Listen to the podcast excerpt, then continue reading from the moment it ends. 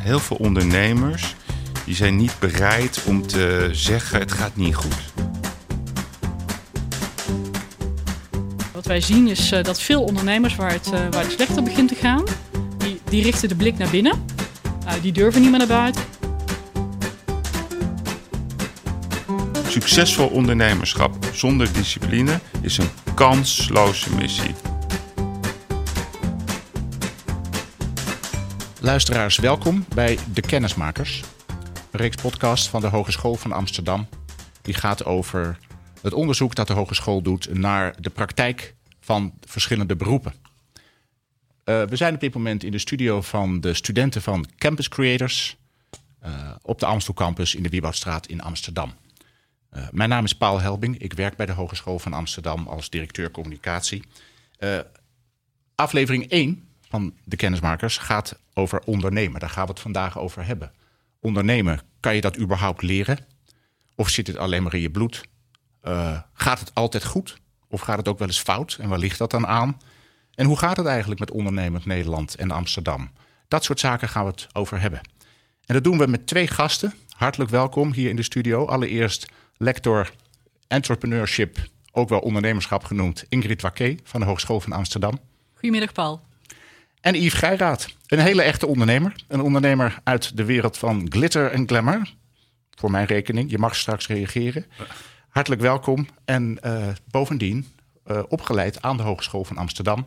Dus wie weet beter dan Yves Geiraat wat de theorie en de praktijk zijn... en waarin die al of niet van elkaar verschillen. Hartelijk welkom. Ook. Welkom, dankjewel. Um, Ingrid Wakke, ik wou met jou beginnen. Jij bent lector entrepreneurship aan de Hogeschool van Amsterdam... Wat is een lector eigenlijk? Een lector is iemand die uh, praktijkgericht onderzoek doet of een bepaalde thematiek. En dat niet alleen zelf doet, maar ook uh, de eer mag hebben om uh, een onderzoeksgroep te mogen leiden op dit gebied. En dat betekent in de praktijk dat ik met een groep van zes onderzoekers vanuit verschillende achtergronden kijk naar allerlei vraagstukken op het gebied van ondernemerschap, ondernemerschapsonderwijs, verschillende ontwikkelingen die er op dat gebied te doen zijn. En dat niet alleen maar met die onderzoekers doe, maar dat uh, maakt het verschil tussen een uh, lector en uh, bijvoorbeeld een hoogleraar aan de universiteit. Dat met name ook doe met en voor partners in het werkveld. En ook samen met studenten natuurlijk. Waarom doet een hogeschool eigenlijk onderzoek? Dat kennen we toch vooral van universiteiten? Nou, dat was ooit inderdaad het geval. Een hogeschool had vanuit het verleden vooral een opleidingstaak. Maar eigenlijk al een jaar of vijftien geleden zijn ook de hogescholen begonnen met wat ze noemen het praktijkgericht onderwijs. onderzoek. En dat betekent, uh, of de reden daarvoor was dat we zagen dat er best een grote kloof bestaat tussen bijvoorbeeld het bedrijfsleven, het werkveld en universiteiten. Dat universiteiten zich vooral ook bezighouden met meer fundamenteel onderzoek, theorie, theorie ontwikkelen met name. En de kloof tussen ja, die theorie en het werkveld is best wel groot. In ieder geval voor bepaalde domeinen. En we zagen dat uh, bedrijven en instellingen uh, vaak de weg niet weten te vinden. Dus er is een soort uh, partij voor nodig die de vertaling maakt. Die niet alleen maar theorie ontwikkelt, maar ook theorie probeert te vertalen naar de contexten van professionals.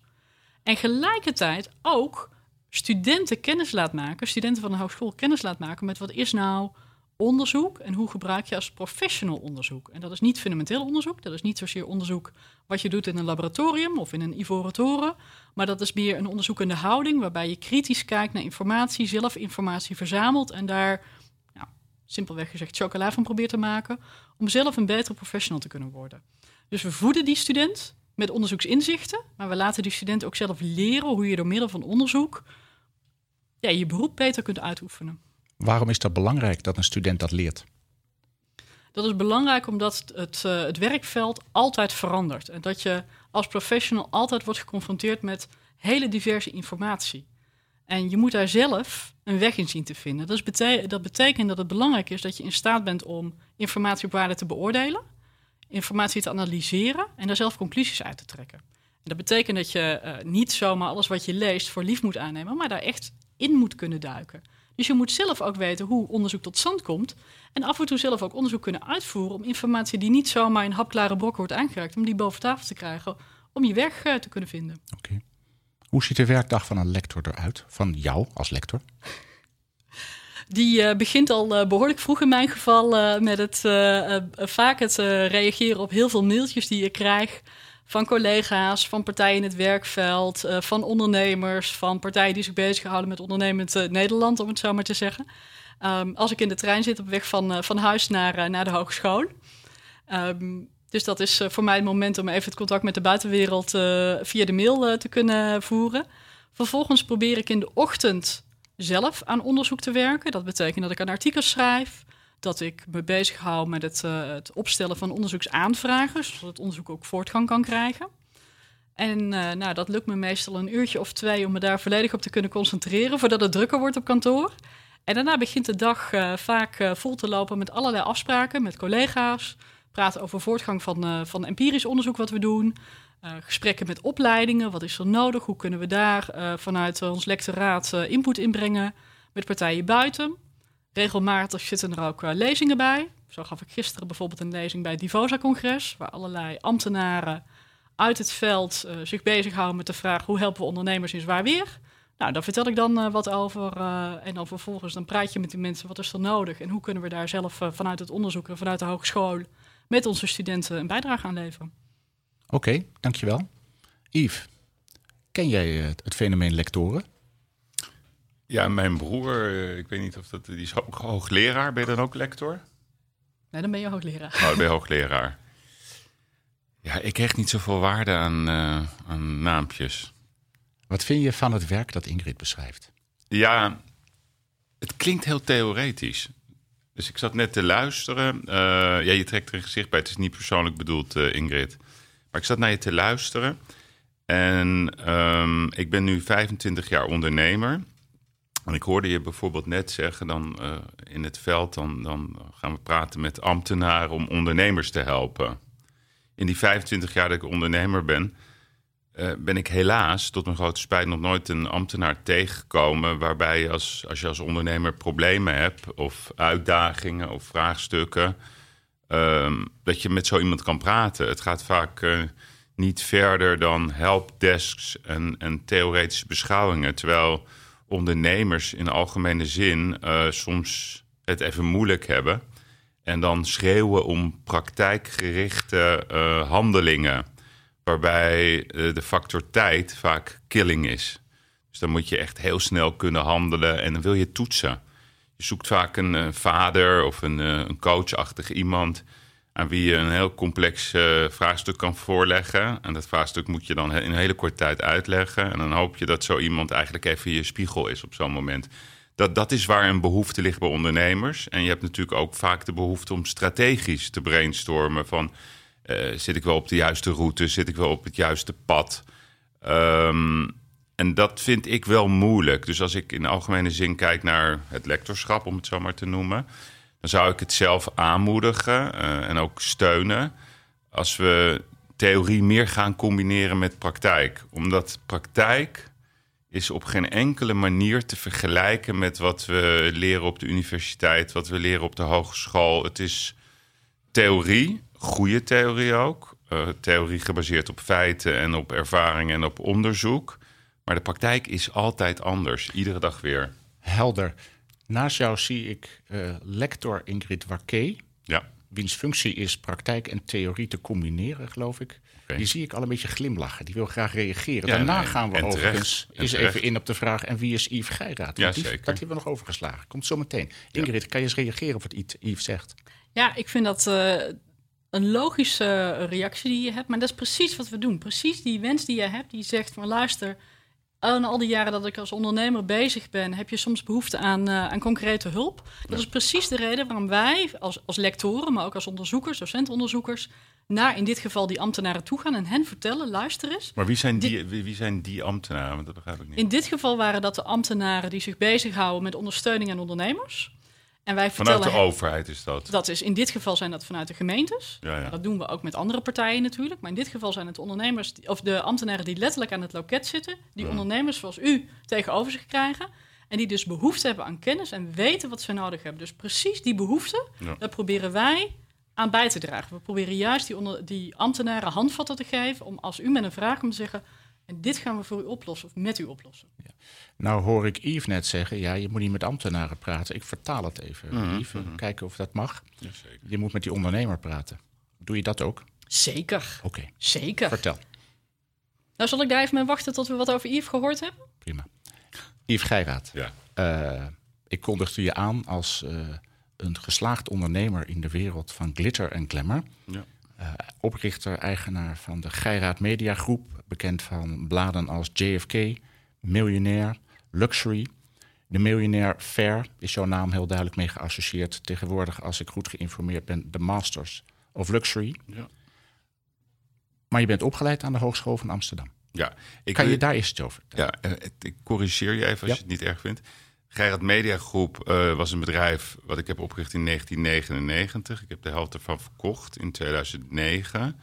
En dat eh, bedrijf is geëindigd in 2013. En sinds 2013 ben ik eigenaar van de Luxury Media Group. En daar zitten de titels die jij noemde, eh, die zitten daar niet meer bij. Dus Luxury Media Group behelst een crossmediaal platform waarbij tv eh, een, een factor van belang is, zowel in de productie van content als het uitzenden op tv, als het maken van magazines voor onszelf en voor derden. Allemaal onder die titel LXRY, hè, dus korting.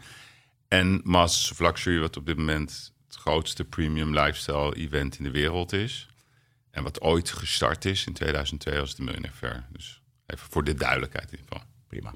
Dankjewel. Nou, even terug naar het begin. Ja, naar het jij, begin. Bent, jij, hebt gestudeerd aan de Ja. Hogeschool van Amsterdam. Klopt. Wanneer was dat? Ja. Wat heb je gedaan en waarom ben je dat gaan doen? Ja, nee, dat is een hele terechte vraag. En ik denk een vraag ook waar heel veel jongeren mee zitten. Want ik heb zelf eh, twee zonen.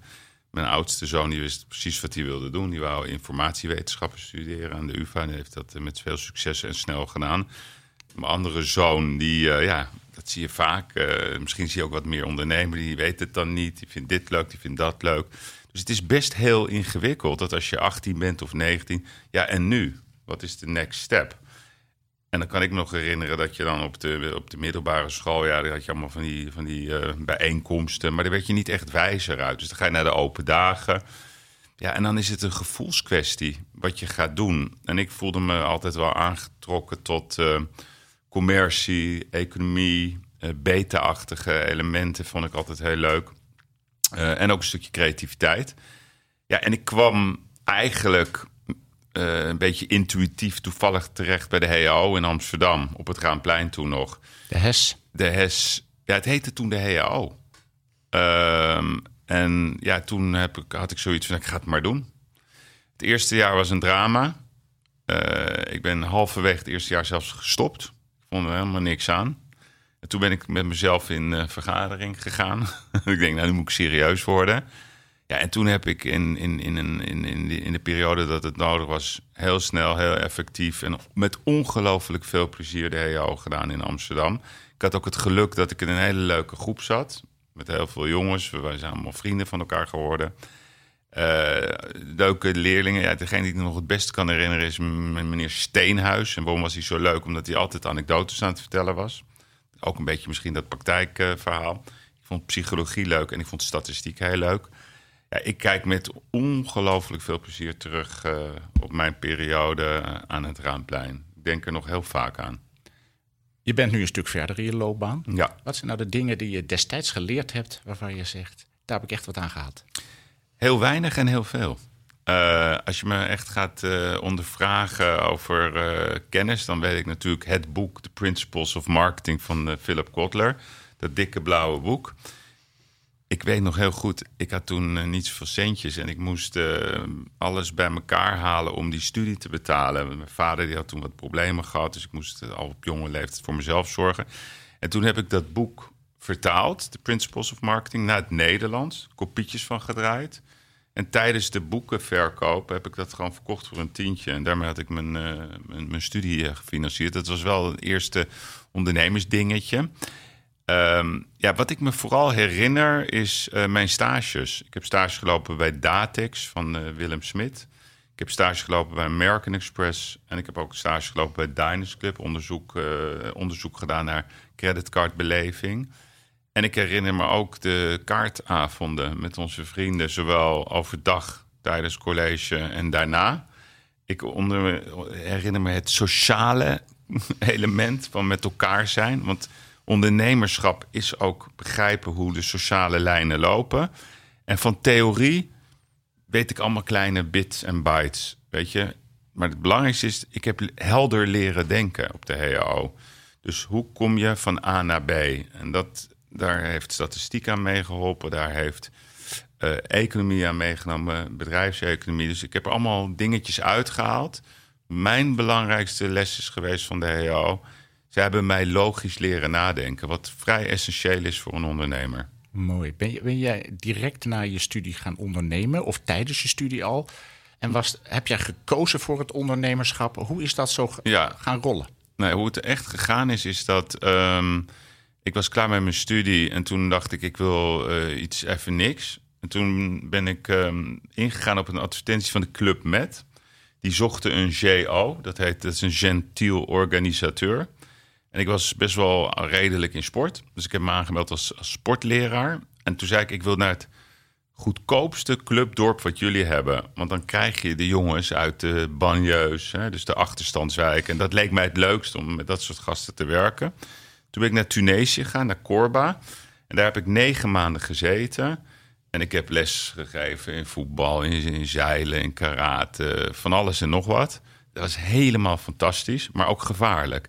Voordat je het weet, ga je het zo leuk vinden dat je in dat programma komt en dan ga je naar allerlei orde en dan verlies je toch wel het contact met de maatschappij. Toen kwam ik terug uh, weer in Amsterdam. En toen, uh, ja, toen ben ik wat een beetje gaan praten met allerlei eh, verschillende bedrijven om ook de markt te verkennen. Dat raad ik iedere student aan. Als je straks naar je studie klaar bent, ga met verschillende bedrijven praten. Niet op één paard wedden. Bezoek zoveel mogelijk verschillende soorten ondernemingen. Ga, van, ga naar binnen kijken. Laat je goed voorlichten en ga ook af op je gevoel. En ik heb dat gedaan. Ik had een leuk contact in een bedrijf in Eindhoven, een handelsfirma. En dat klikte gewoon met die man. En die man bood mij een baan aan met een heel laag salaris. Maar wel met een hoge profit-uitdaging, wat niet eens voor mij het doel was. Ik vond gewoon een leuke man. Ik vond een leuk uh, gevoel had ik. En zo ben ik begonnen. En daar heb ik drie jaar gezeten bij dat bedrijf. Die hadden ook kantoren in allerlei landen, van Polen tot aan Italië. Ik ben begonnen in de sales. En na twee jaar wou hij me al algemeen directeur maken, maar dat vond ik een beetje overdreven. Dus ik heb daar drie jaar gezeten en toen uh, in uh, zo medio 95 uit mijn hoofd. Toen ben ik met een heel klein onderzoeksbureautje begonnen op het gebied van marketing. Het wel een leuke anekdote. Ik werkte met uh, Meyer van Roslin Group uit Engeland, gerenommeerd onderzoeksinstituut. Briljant in statistiek. En die hadden een klant en dat was uh, de Met Office, zeg maar het Nederlandse KNMI. En de Met Office had een softwaremodel bedacht, ontwikkeld, hoe je beter kon omgaan met de weersinvloeden ten aanzien van je bedrijfsmodel. Dus Unilever, hoe, als, je, als het warmer wordt, hoe verkoop je dan meer ijs als je de temperatuur weet? Nou, dat werd best wel een succes. En daar heb ik het agentschap voor verworpen, allerlei contracten gesloten met grote ondernemingen, een beetje geld verdiend. En van het een kwam het ander. En mijn eerste concrete ondernemersstap, want dit was meer consultancy, was dat ik dacht: ik wil iets concreets doen. En toen ben ik begonnen met huis-en-huiskranten. Het Amsterdammertje, voor de oudere Amsterdammer, die kan zich dat nog goed herinneren. We hadden Piet Ruimer als bekendste columnist. Die schrijft altijd Piet Praat. En ik was degene die het felst tegen de wielklem was. Elke week maakte ik me boos over de wielklem.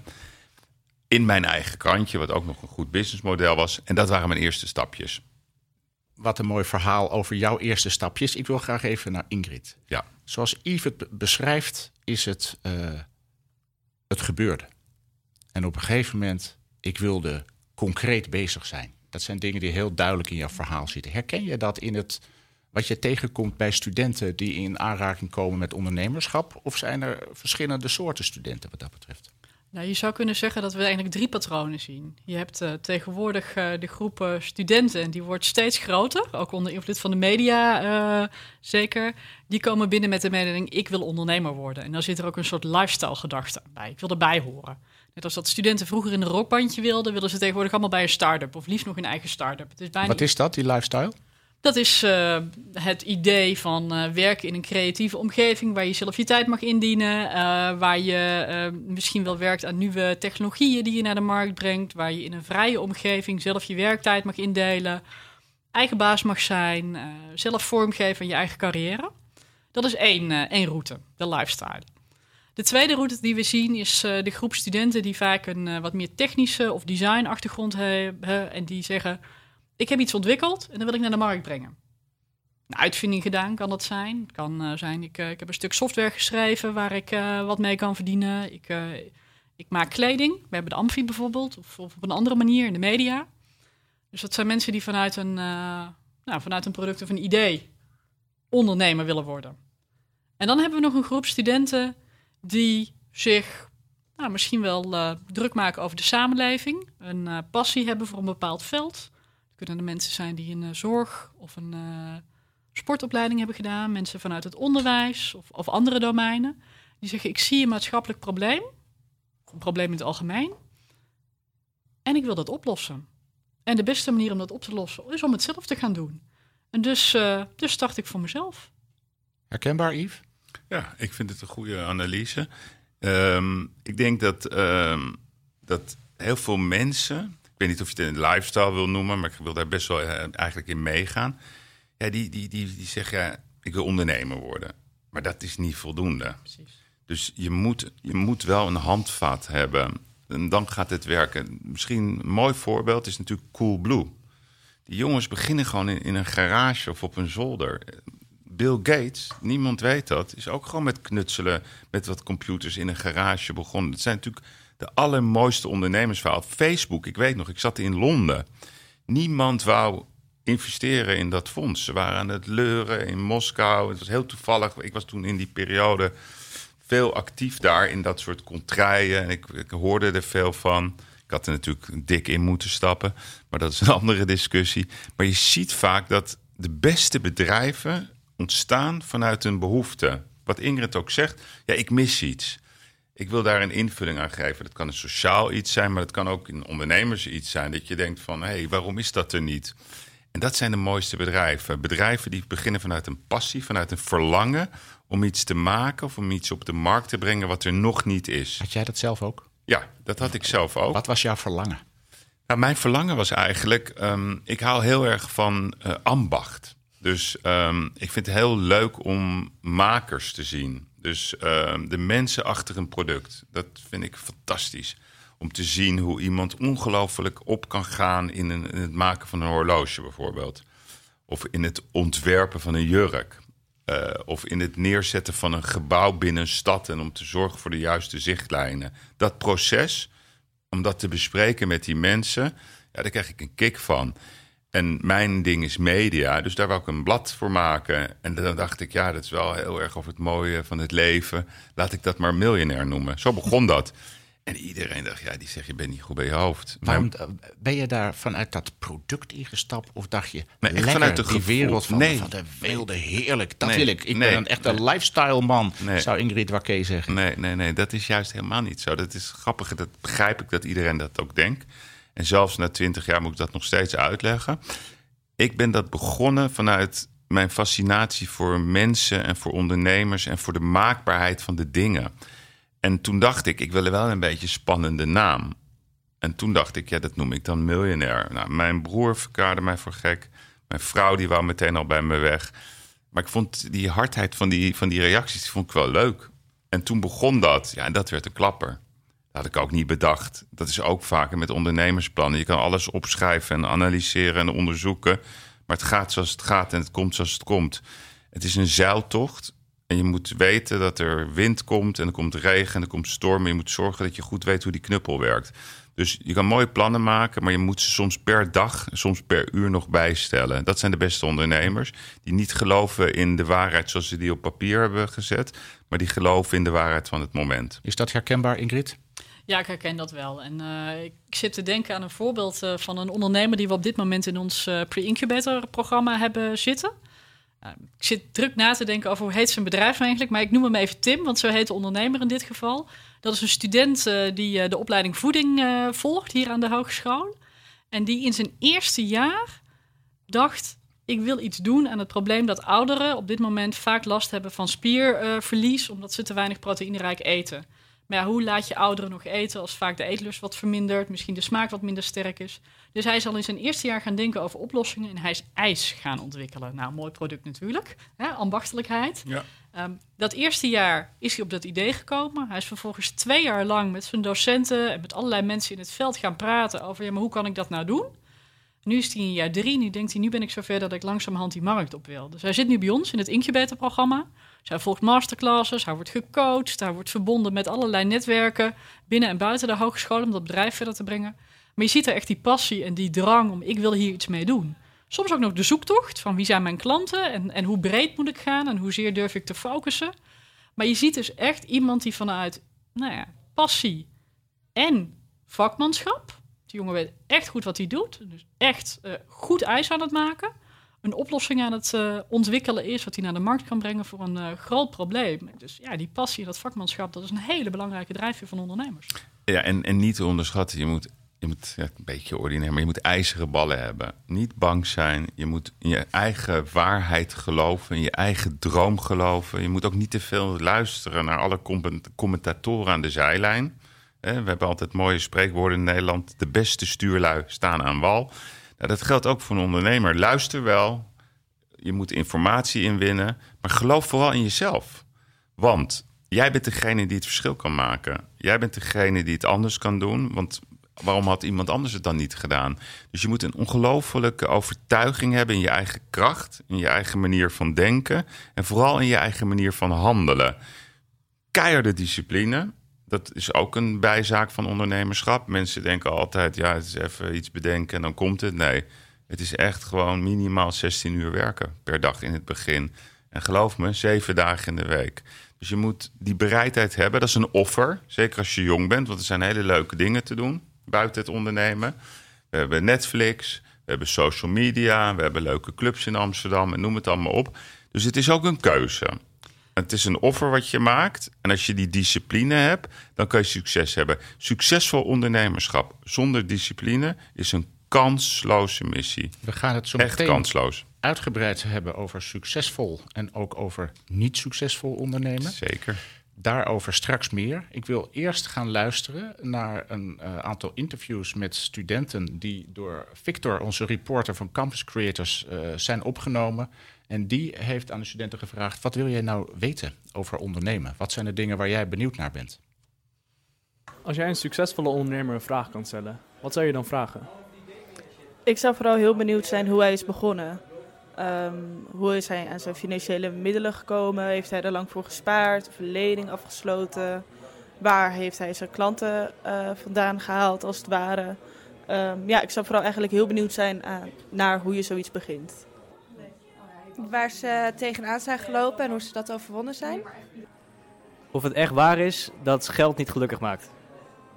Waar ze hun uh, inspiratie vandaan hebben. Zullen we eens met die ene laatste vraag beginnen?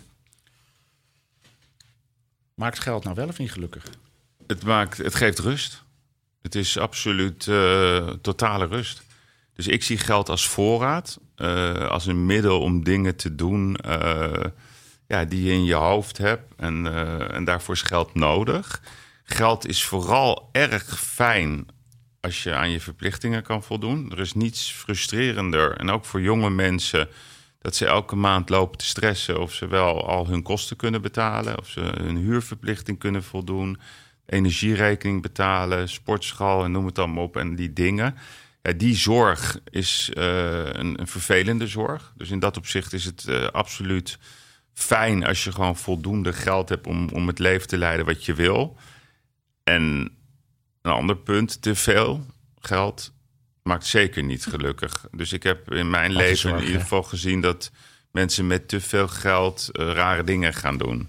Dus het is een balans tussen uh, ja, financiële rust en de ruimte om dingen te doen uh, waar je blij van wordt. Dus die meneer die vraagt, maakt geld gelukkig, die geef ik gedeeltelijk gelijk.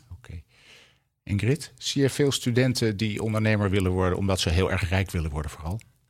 Nou, dat, dat horen we wel, maar dat zijn over het algemeen niet de mensen die ook stappen zetten om ondernemer te worden. Oh, hoe werkt um, dat? Over het algemeen gaat het toch echt om die inhoudelijke passie, die inhoudelijke drive die maakt dat je gaat ondernemen. Maar de stoere verhalen gaan er wel over. Daar wil ik trouwens nog wat over zeggen. Even inhakend op uh, wat er zojuist voor uh, dit intermezzo uh, werd gesuggereerd. Um, ik hoorde een paar dingen. Je had het over ijzeren ballen hebben. Ik hoorde net de, de vrouwelijke studenten ook wat zeggen, de ondernemer hij. Laten we ook niet vergeten dat een derde van de ondernemers, dat zijn vrouwen. En ehm, wat we ook zien, hè, het verhaal is nu ook heel erg gericht op de persoon van de ondernemer.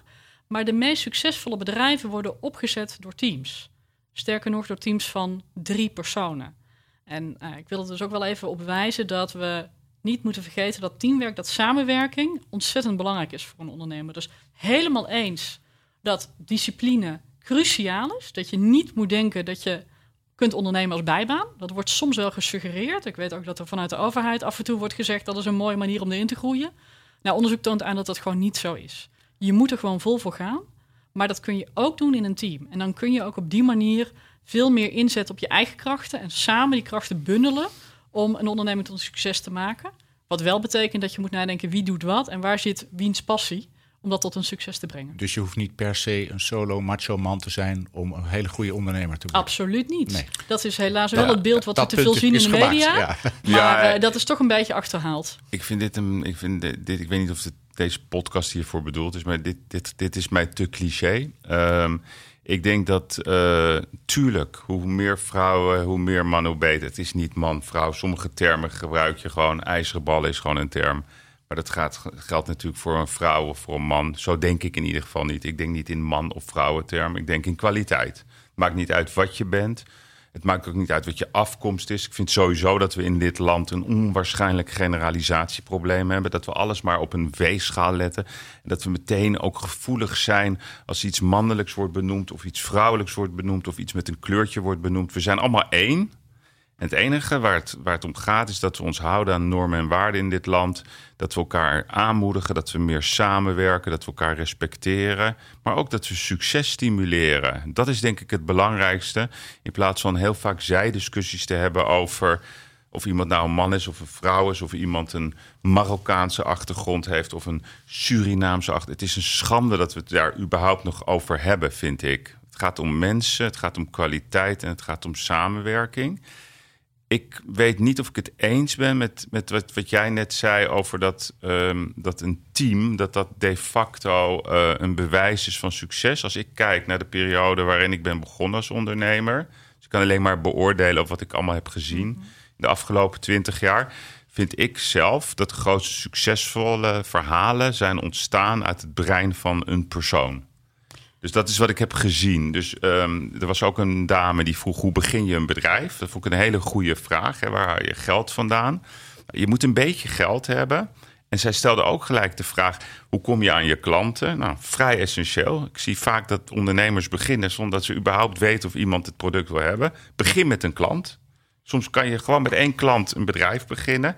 Laat de klanten en je leveranciers die belang bij jou hebben, meefinancieren. Dat is de beste manier om je bedrijf te starten. Belanghebbenden die het zijn zouden vinden als jij start, dat die iets in de, in de pot gooien. Gewoon simpel voorbeeld. Restaurants worden heel vaak gefinancierd door de leverancier van wijn. Dus die doet dan mee, die helpt je, die financiert je voorraden. En die heeft vaak ook nog de middelen om wat geld op tafel te leggen. Helder. Ik, ik... Dat model kan je doortrekken. Maar het is heel belangrijk voor, voor startende, voor studenten. Want die weten vaak niet hoe ze moeten beginnen. En dan gaan ze naar de bank. Nou, de bank is gewoon de hel op aarde. Dus die vraagt altijd hele moeilijke vragen. En het antwoord is uiteindelijk nee. Ga naar mensen die er belang bij hebben dat jij succesvol ondernemer wordt. Die kunnen je echt helpen. Helder. We gaan het zo hebben over andere factoren die bijdragen aan succes, dan wel aan mhm. mislukking. Maar eerst wil ik nog laten horen van, we hebben nog een student gevraagd, mhm. een HVA-student gevraagd. Die heeft ook een vraag aan jou, Yves. Ja. Hey pap, dat is even schrikken, hè? Er wordt hier al genoeg over het ondernemen gesproken. Dus ik dacht, ik stel je een vraag waar we thuis eigenlijk veel vaker over hebben. Juist, voetbal. Dat staat bij jou op nummer 1. Vaak gebruik je sporters en sportmomenten als metafoor bij jouw uitleg over zaken doen. Als er dan twee vacatures waren, één als bondscoach en de ander een zetel in de Tweede Kamer. Voor welke droombaan zou jij kiezen? Groetjes, Lior. Nee, dit is Jouw eigen zoon, ja, Lior, student aan de HVA. Ja. Die wil voor jou weten bondscoach of Kamerlid? Ja, nee, ik Je vind dit, eh, dit is echt heel leuk, dit, hè? Dat begrijp je. Omdat hij ook nog vandaag op kantoor was, want hij helpt ons bij een klus. En ik zei, gewoon ga even mee, ga naar de Hogeschool van Amsterdam. En eh, ja, dat, hij zei, nee, ik heb even geen tijd. Maar ik vind het echt heel leuk dat hij het eh, stil heeft kunnen houden. Ik gebruik ongelooflijk vaak eh, in bedrijven waar ik eh, ook in zit... of waar ik bij betrokken ben, het voorbeeld van de sport. Ik heb on- ontzettend veel bewondering voor sporters. Die moeten het vaak alleen doen. Iedereen vergeet dat ze korte momenten hebben om te presteren. Eh, denk aan een 100 meter sprinter. Denk aan In- Inge de Bruin, onze meest succesvolle Olympische sporter ooit. Ik heb haar zien zwemmen, dag en nacht.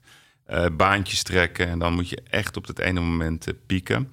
Dus echt mijn advies is aan, aan al die nieuwe startende ondernemers... kijk naar succesvolle sporters, waarom ze zo ver gekomen zijn. Het gaat altijd om discipline, om toewijding, om pijn. Pijn overwinnen, ga om met die teleurstellingen. Eh, want dat is namelijk het leven van een ondernemer. Dus dat Nou, is, nou dat was is de heel- vraag Ja, jouw weet ik de vraag. Ja. En als ik dan mag kiezen, ja, dan hoef ik daar echt geen seconde over, te, te- over na te denken. Dan kies ik voor het bondscoachschap Bondscoach. van het Nederlands elftal. niet voor het Kamerlidmaatschap. Nee. Hoe zit dat bij jou, Ingrid? Je mag kiezen. Bondscoach van eh, een sport naar keuze of lid van de Tweede Kamer. Ja, dan, eh, ja, dan stel je wel een gewetensvraag, eh, moet ik zeggen. Want het zijn allebei niet mijn, eh, mijn droombanen, om het zo maar te zeggen. Eh, maar dan zou ik toch kiezen Maar voor Lior het... eh, wil gewoon het een of het ander horen. Ja, nou ja, dan kies ik voor het Tweede Kamerlidmaatschap. Waarom? Omdat ik, dat, omdat ik dat een wat bredere functie vind. Waar je wat bredere invloed kunt hebben dan alleen maar op één team. Oké. We gaan naar recent onderzoek van jouw onderzoeksgroep. Failure and Recovery. Vertel, wat hebben jullie gedaan en wat is eruit gebleken? Wij eh, hebben onderzoek gedaan, of dat doen we eigenlijk nog steeds, naar eh, ja, het falen en het wederopstaan van ondernemers. Eh, en dat doen we omdat ik eh, merk dat in het ondernemerschap gaat het altijd maar over starten, groei en succes. Dat is natuurlijk ook een leuk verhaal om te vertellen. Maar de realiteit van de meeste ondernemers is gewoon dat het een proces van vallen en opstaan is. En dat heel veel ondernemingen, en dan bedoel ik soms juridisch een onderneming, maar ook gewoon iets wat je onderneemt, dat dat niet wordt wat je ervan verwacht. Dat is de realiteit. En als we dat deel van het verhaal niet vertellen, dan kun je maar de helft begrijpen van het ondernemerschap. En nou ja, vanuit onze rol praktijkgericht onderzoek, waarmee we ook onze studenten moeten voeden, vind ik het belangrijk dat we het hele verhaal vertellen. Dus vandaar dat wij eh, gezegd hebben dat een van de onderzoekslijnen die wij eh, met het team eh, bij, de, bij de kladden hebben gepakt, dat dat failure and recovery is. Waarbij wij een aantal dingen doen. Wij eh, hebben een, eh, een onderzoeksproject, dat noemen we het Phoenix-project. Daarbij zetten we studenten in. Uh, studenten met de ambitie om zelf op termijn zelfstandig ondernemer te worden. Soms ook studenten die nu al ondernemer zijn in het kader van een opleiding of voor het EGI. Uh, die laten wij ondernemers interviewen over faalervaringen. Je vroeg me net van, goh, praat je ook met ondernemers of praat je alleen maar met ambtenaren? Nou, uh, wij praten ook met ondernemers en dat doen wij zelf. Dat doen de onderzoekers uit het team, maar dat doen ook de studenten met wie wij werken. Tot nu toe al uh, zo'n uh, zo'n 450 studenten hebben dat voor ons gedaan, met ons gedaan. Die gaan een gesprek aan met een ondernemer, dus over een faalervaring. Dat kan een hele radicale faalervaring zijn. Failliet, huis kwijt, partner kwijt, onder de brug, bij de dakloze opvang en dan weer verder. Dat kan ook een. Dat klinkt heftig. Ja, die zijn erbij. Dat kan ook een kleinere faalervaring zijn, projectfalen. We wilden een nieuw product op de markt brengen en dat is mislukt. maar dat heeft er wel toe geleid dat we dusdanig financiële problemen hadden dat we een aantal mensen op straat hebben moeten zetten. Dat kan zijn, we hebben een internationale markt willen aanboren en dat is mislukt, waardoor we een vestiging hebben moeten sluiten. Dus wel impactvolle uh, faalervaringen. En wij uh, vragen deze ondernemers naar hoe is het zo gekomen en hoe ben je er weer? En wat zijn de lessen die je zou willen delen met mij, met de student in dat geval, die mij verder kunnen helpen bij mijn toekomstig ondernemerschap? En wat blijkt? Wat blijkt? Dat er een aantal zaken zijn uh, die niet te vermijden zijn. We kunnen niet falen uitbannen. Het is niet zo dat we na dit onderzoek zeggen... er is nooit meer een ondernemer die faalt. En dat hoeft ook niet. Wat we wel zien, is dat wij heel veel kosten van falen kunnen voorkomen... op het moment dat mensen op tijd aan de bel gaan trekken. Dat is ook weer hè, die link naar die, die ambtenaar of die ondersteunende partij eromheen. Op het moment dat je als ondernemer op tijd herkent en erkent dat het misgaat... en je daarbij ook een belangrijke les je netwerk betrekt, je zakelijk netwerk, je persoonlijke netwerk, maar ook het institutionele netwerk, wat er in Nederland wel degelijk is, dan kun je soms voorkomen dat er schulden oplopen. Dan kun je soms voorkomen dat mensen op straat komen te staan. Maar dan kun je ook voorkomen dat je eigen culturele kapitaal en je eigen sociaal kapitaal ten onder gaat. Dus dat betekent op tijd ingrijpen, weten waar je kunt ingrijpen, maar ook naar buiten blijven gaan. Wat wij, uh, wat wij zien is uh, dat veel ondernemers waar het, uh, waar het slechter begint te gaan, die gaan opeens niet meer naar beurzen. Die gaan niet meer naar die netwerkbijeenkomsten. Die praten niet meer met hun zakenpartners. Die praten niet meer met klanten en leveranciers over wat er speelt op de markt. Die, zetten, die, die richten de blik naar binnen. Die durven niet meer naar buiten. Die weten niet meer hoe ze naar buiten moeten. Je ziet dat de mentale weerbaarheid afneemt. En als je daar bewust van bent, als je weet waar je terecht kunt, dan kun je daar dus dingen aan doen. En dan kun je een deel van de ellende kun je voorkomen. Dus dat is het belangrijkste. Netwerken. Behoud je netwerk, blijf praten met je netwerk. Een andere belangrijke les die uh, steeds terugkomt is uh, toch wel uh, enige financiële bescheidenheid. we zien dat heel veel studenten die nog aan het begin van hun carrière staan, denken inderdaad dat ondernemerschap dat dat een goede manier is om, om rijk te worden. Nou, wat we eigenlijk van al die ondernemers met wie zij praten, en ook uit onze eigen gesprekken met ondernemers wel horen, is dat de meeste ondernemers, die hebben het niet zo breed. Die verdienen misschien een mooie boterham, maar niet zo breed dat ze gelijk daar ook allerlei nou, dure auto's en andere uitingen van luxe bij kunnen permitteren. Maar ook niet zo breed dat ze hun bedrijf heel snel kunnen laten groeien. We zien ook dat te snelle groei vaak een risicofactor is voor toekomstig overleven en voor toekomstige financiële levensvatbaarheid van een bedrijf. Dus uh, waar veel studenten mee terugkomen, wat veel ondernemers ons teruggeven, is creëer buffers. Breng mensen in die meekijken over de risico's die je neemt, die meedenken over de investeringen die je doet. Als je externe investeerders aan je bedrijf koppelt, laat dat slim geld zijn. Laat dat inbrengen door mensen die met je meedenken, die met je sparren, die soms ook bepaalde beslissingen tegenhouden, omdat ze zien dat de markt er niet rijp voor is, of dat jouw bedrijf er niet rijp voor is. Dus dat zijn toch wel een aantal van de belangrijke lessen die, uh, die we daaruit uh, uit halen op dit moment. Helder. En dat Dank zijn dus wel. ook lessen die wij terugkoppelen aan bijvoorbeeld die ambtenaren die met ondernemers werken, zodat zij die ondernemers weer beter kunnen helpen.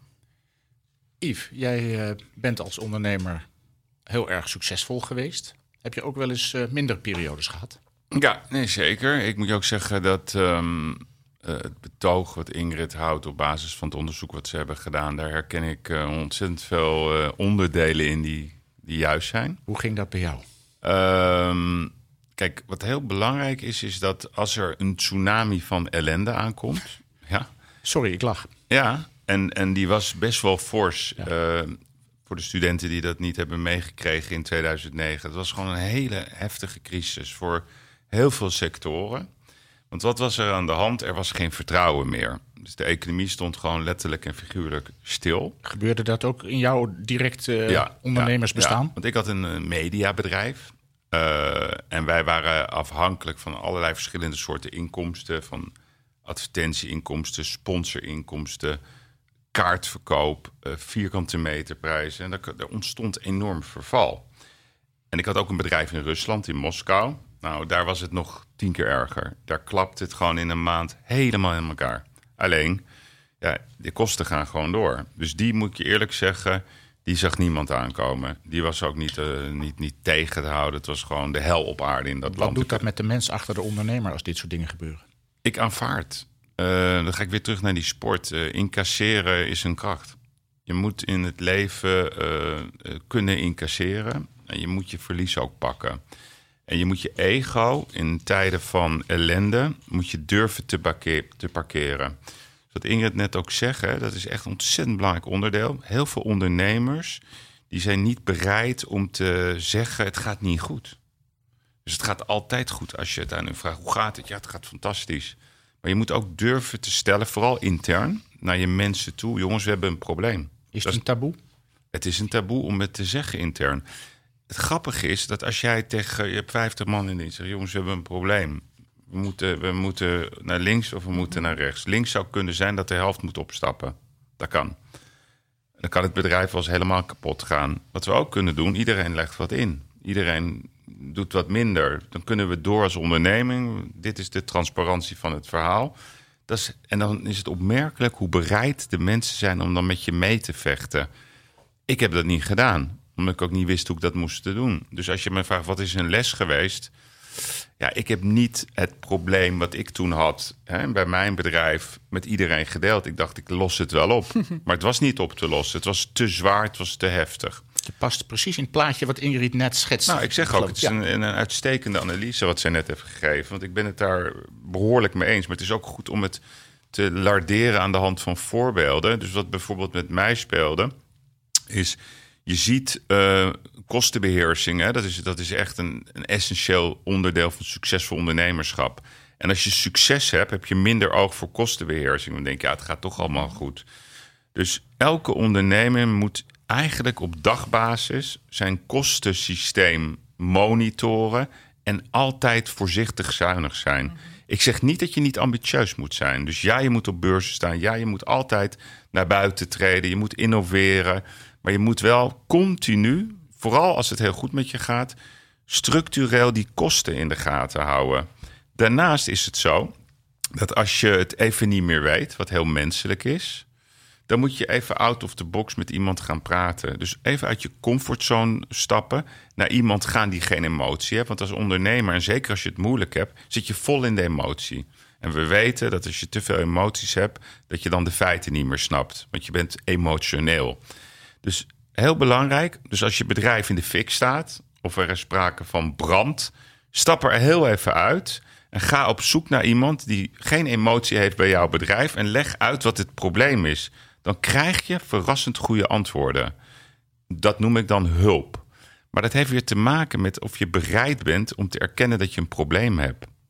Dan maak ik erkenning is even. ontzettend belangrijk. Dat zien we Zo overal. belangrijk is dat. Daar begint het vaak bij dat je zelf ziet dat er iets aan de hand is. Maar dat is ook moeilijk, inderdaad. Je hebt Ja. het over die emotionele blokkade die er bestaat. Maar we weten allemaal, ook uit andere carrières, dat op het moment dat je het druk hebt, dat je hoofd vol zit, Ja, dat je denkkracht gewoon afneemt. Dat je klopt. op dat moment even minder slim bent. En wat daarbij ook belangrijk is om je te realiseren, jij wijst eh, denk ik terecht op de, de financiële crisis. Dat is voor veel ondernemers een belangrijk moment geweest, een bepalend moment. En hoe ga je door met je bedrijf? Red je het, red je het niet? Maar ook nu in deze tijd, waar het eigenlijk economisch nog steeds hartstikke goed gaat, ook al maken we ons zorgen over allerlei omstandigheden die op ons afkomen. Brexit, handelsoorlogen, noem maar op, komt er een nieuwe recessie aan. Eh, ontevredenheid bij burgers die misschien leidt tot mindere bereidheid om eh, dingen aan te kopen. Ook nu gaat het voor heel veel ondernemers niet altijd even goed. En we denken vaak dat dat dan komt omdat ondernemers verkeerde beslissingen hebben genomen. Maar wat ook blijkt uit onderzoek, ehm, niet alleen onder- onderzoek, maar ook onderzoek van anderen, is dat het vaak ook een samenspel van factoren is. Het zijn gemiddeld, weten we uit een onderzoek van Utrecht, dat er eh, zes factoren over het algemeen samenkomen, die er uiteindelijk toe leiden dat een bedrijf ten onder gaat. Dus dat is niet iets heel simpels. En dat de is zes disaster factoren. het zijn niet altijd de zeszelfde. Het is vaak een Ja. combinatie van verschillende dingen. Dat kunnen interne factoren zijn. Eh, ik ken een verhaal van een, eh, een ondernemer die had het eh, schildersbedrijf van haar ouders overgenomen. En ehm, binnen korte tijd raakten nog twee van haar medewerkers ernstig ziek, schildersziekte. En eh, de mevrouw achter de receptie raakte zwanger. Dat is best duur voor een ondernemer om dat te dragen. Vervolgens werd er ook nog ingebroken in het bedrijf.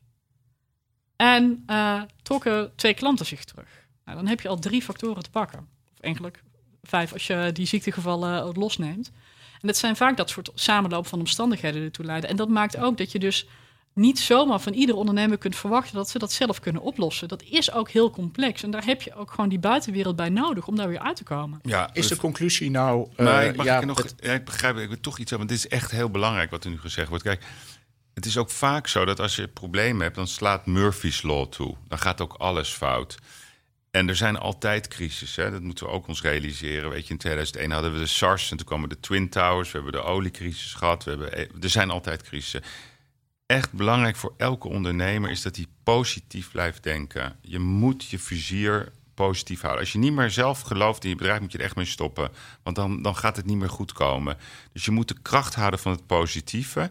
En je moet ook niet je te veel laten opeten door alles wat er in de kranten staat en alle ellende die de wereld. Vroeger hadden we geen internet, hè? Toen wisten we het niet. Het was namelijk niet anders vroeger. Alleen nu weten we alles. Alles staat op social media, alles staat op teletext. Ik vind wel, en dat vind ik echt een belangrijk onderdeel van succesvolle ondernemers, leer focussen. Dus concentreer je op je, wat je aan het doen bent. En laat je niet gek maken door alle dingen die dagelijks in de media. Want dat creëert angst.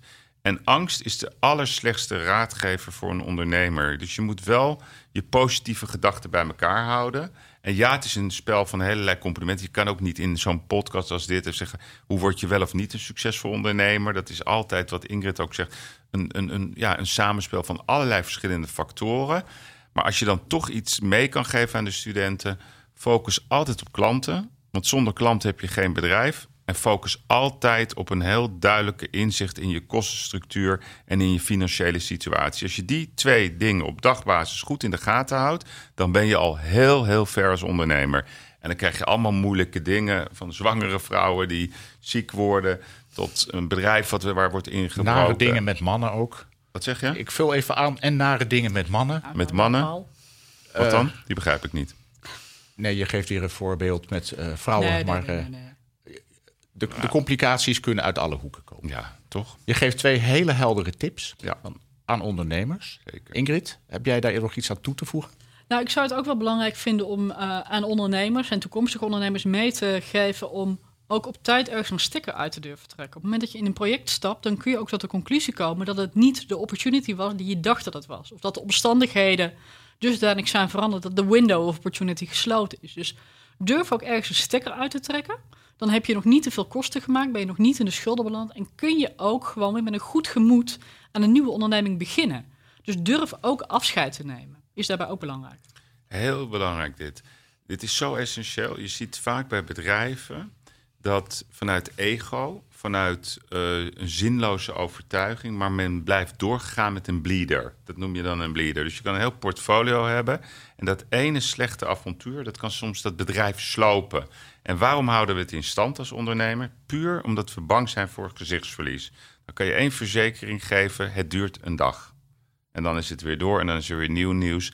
Dus er wordt altijd vanuit angst doorgegaan met een dood project. En dat dood project kan de hele onderneming opeten. Dus echt ontzettend belangrijk. Trek die stekker eruit als je niet meer het vertrouwen hebt in wat je moet doen. En wees vooral niet bang voor gezichtsverlies. Heel hartelijk dank. Met deze hele heldere en nuttige tips aan eh, toekomstige en ook huidige ondernemers wil ik eh, deze eerste aflevering van de Kennismakers afsluiten. Ik wil Yves Geiraat heel hartelijk danken, eh, ondernemer van de praktijk. En Ingrid Waké, lector ondernemerschap voor dit interessante gesprek. Ik Laat het hierbij. Bedankt. Dankjewel. Heel goed.